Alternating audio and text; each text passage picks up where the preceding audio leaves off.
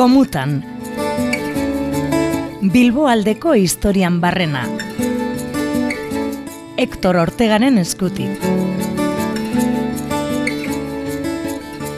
Askotan, gizon emakumeok mundua gurekin hasi zela pentsatzeko joera daukagu. Guk ezagutu duguna betikoa da, eta lehenengoz guk ikusi duguna oso modernotzat jotzen dugu. Turismo tematikoa, esate baterako, nahiko asmakizun berria iruditzen zaigu.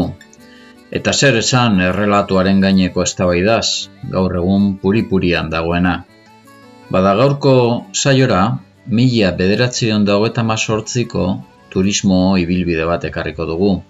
Errelatuaren gaineko borrokarako lanabezkiza sortu zena. Ibilbide ura bilbotik igarotzen zen. Egunotan, Espainiako Biblioteka Nazionaleko argazki bilduma arakatzean, sorta harrigarri batek atentzia eman dit. Izenburu, Rutas de guerra organizadas por el capitán Luis Bolín por Bilbao y Burgos. Eta zorroaren barruan, hogeta malau argazki ageri dira. Mila behatzion da hogeta mazortziko udan egin zituzten. Turista multzoak ageri dira, autobusean, Bilbon, Larrabetzun, Gernikan, Donostian eta Burgosen. Zer zen guzti ura? Garaiko prentzara jo dugu.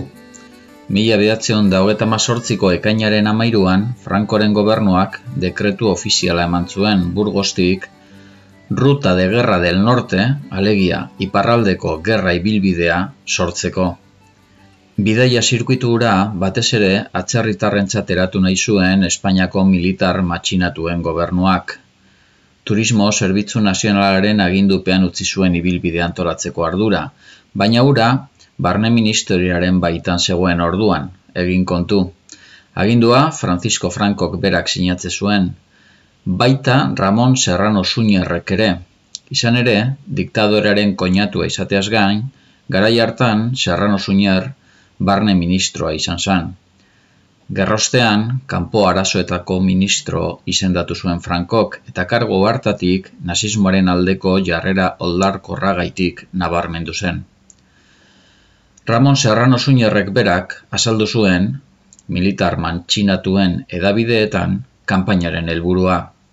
Errealitatea erakutsiz, aberriaren etxai marxisten kanpaina ireingarria deusestatu nahi zuen. Zehatzago esan da, kanpotarren fede honean eragiteko asmoz gorriek asmatutako gezur sorta eta sortutako legenda beltza desegin gura zuten.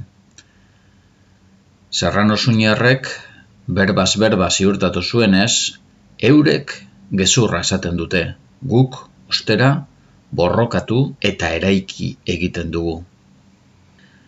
Haien egia erakusteko iparraldeko gerraren ibilbidea programa diseinatu zuten, eta haren barruan zirkuito bi antolatu zituzten. Bata, irun eta obiedo artekoa, Donostia, Bilbo, Santander eta Gijonetik igarotzen zena. Bestea, ostera, Galiziatik Santanderrera joaten zen. Autobusak eta ostatuak prestatu zituzten, baita gidari eta itzultzaileak ere lekuan lekuko azalpenak emateko. Denetara, bederatzi eguneko zirkuitua zen Bilbokoa. Uda hartan, astean irutan egin nahi zuten. Errelatuaren gaineko gatazkaren atalura, beraz, Euskal Herrian hasi zen. Espainiako Liburutegi Nazionaleko argazki zorro horretan, autobusak, turistak eta gudalekuak ageru dira. Turisten artean, frantsesak, belgikarrak eta ingelesak izan ziren, gutxienez. Argazkietan ikusten denaren arabera, eta espero litekeen bezala, gehienak ultraeskuindarrak ziren. Duela gutxi larrabetzun eraitsi duten gaztelumenduko monumentuaren aurrean egindako argazki baten, adibidez, agur fasista eginez ageri dira turistak, gizonak nahi emakumeak. Artxandan ere egon ziren, suntxitutako muño horretatik bilbora begira. Eta ara, Gernikara eraman zituzten, zelan ez, errelatuaren gatazkaren gorengo eszenatokia ibilbide osoaren arrazoia zen. Argazki baten arbolaren ondoan ageri dira, Ez dago, ostera, erraustutako herriaren lorratzik argazki horretan. Luis Antonio Bolin kapitainak antolatu bide zituen errelatuaren borroka irabasteko bidaia turistiko haiek.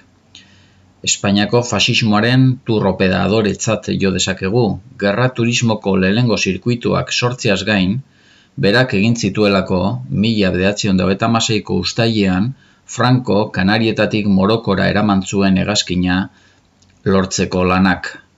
Orduan ABC egunkariko kasetaria zen. Ondoren, Frankok kapitain izendatu zuen, eta haren gobernuaren prentsa arduradun bihurtu zen. Harik eta mila behatzion dago eta mazortzitik aurrera, turismo zerbitzuko buru gisa saritu zuten arte. Jakina, prentsa arduradun izan zen sasoian, Gernikako gezur jarioaren gorengo asmatzailea izan zen bolin jauna. Alegin itzelak egin baitzituen, gorriek herri zuteneko gezurra labaizetara zabaltzeko. Gernikako sarraskia biktimei leporatu zien gizon horrek, frankismoaren krimenak eskutatzeko zirkuito turistikoak antolatu zituen falangeko buruzagiark plaka bat dauka oroigarri Espainiako Doñanako Parke Nazionalean. Han, berbarik berba irakurtzen denez, bere bizitza Espainiari eskaini zion eta bere ekintzak bizigaren mundua hobetzeari. Gaur egungo turistek ere gomutan eduki desaten.